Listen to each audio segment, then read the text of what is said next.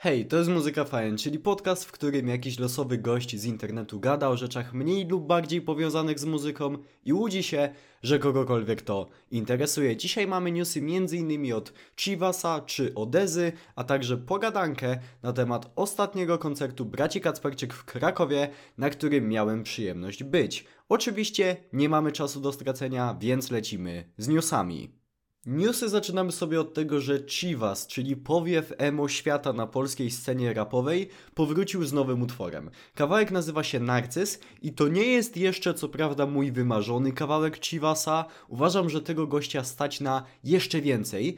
No ale tak czy siak jest to ciekawy, moim zdaniem bardzo świeży powiew na polskiej scenie hip-hopowej. Naprawdę mocno zaczynają ujawniać się alternatywne korzenie Chivasa, tak więc już jest dobrze i pozostaje trzymać kciuki, żeby było jeszcze lepiej. Elektroniczny duet Odeza oficjalnie zapowiedział swój nowy, czwarty album. Album będzie nazywać się The Last Goodbye, ukaże się 22 lipca i dodatkowo dostaliśmy trzeci singiel o nazwie Love Letter. I cóż, nie podoba mi się na pewno tak bardzo jak pierwszy singiel, ale w dalszym ciągu czuć, że to jest Odeza i jestem całkiem zadowolony.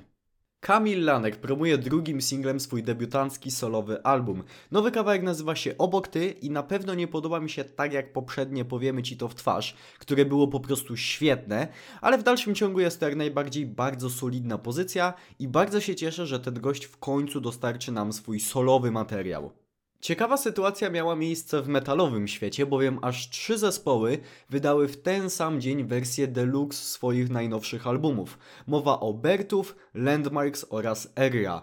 Ja generalnie nie jestem raczej wielkim fanem wydawania wersji deluxe, ale na pewno dla najbardziej oddanych fanów jest to spoko opcja. To tyle z newsów na dzisiaj, teraz pora na pogadankę. Dokładnie tydzień temu miałem wielką przyjemność pojechać na koncert braci Kacperczyk i chciałem podzielić się swoimi wrażeniami. Może akurat są tutaj osoby, które się zastanawiały nad koncertem Kacperczyków i mam nadzieję, że dzięki tej pogadance pomogę im podjąć decyzję. Koncert odbył się w krakowskim klubie Kwadrat. Była to moja pierwsza wizyta w tym klubie. Miałem tam być w styczniu na koncercie Negdip, no ale został on niestety przełożony z wiadomych względów i muszę przyznać, że to miejsce jest bardzo dobre na tego typu koncert. Bo to średniej wielkości, bardzo klimatyczny klub, w którym czuć było taką przyjemną, przyjazną atmosferę. I o jeszcze lepszą atmosferę podczas samego koncertu zadbali oczywiście sami bracia Kacperczyk. Jako iż scena nie jest tak duża jak chociażby w hali w Katowicach, w której grali kilka dni wcześniej, to akurat na tym koncercie na scenie byli tylko oni dwaj i jeden klawiszowiec. Mówię o tym dlatego, że na przykład w Katowicach mieli ze sobą kilkuosobowy zespół i nawet mini orkiestrę ze skrzypcami.